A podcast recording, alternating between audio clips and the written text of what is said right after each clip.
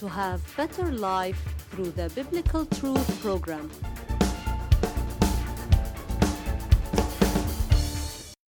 The title of today's Biblical Truth Why Are You Frightened?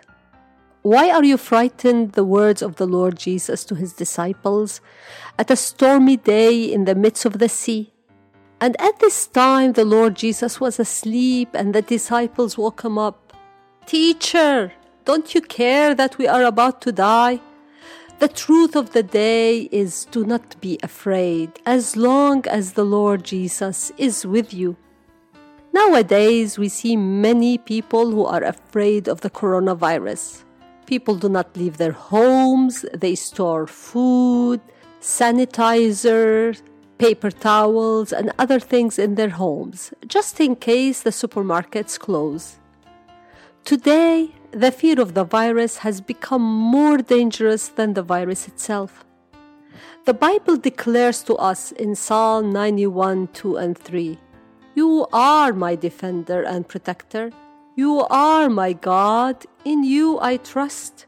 He will keep you safe from all hidden dangers and from all deadly diseases.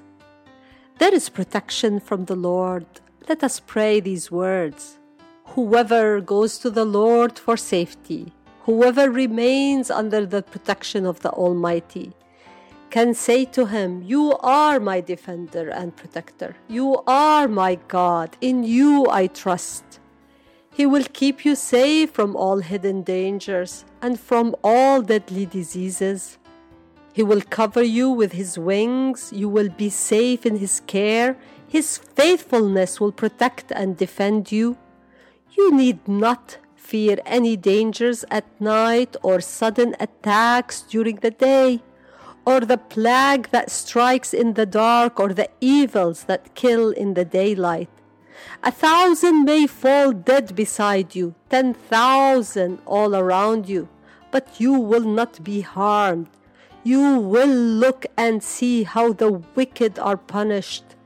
You have made the Lord your defender, the Most High your protector, and so no disaster will strike you.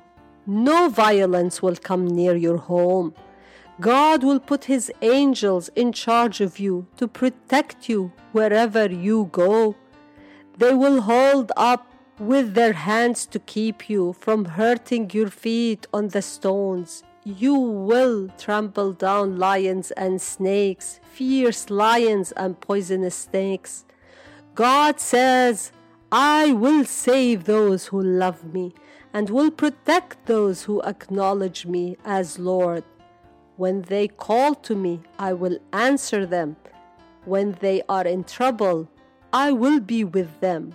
I will rescue them and honor them. I will reward them with long life. I will save them. Thank you, Lord, that I find my protection in you. Amen and amen.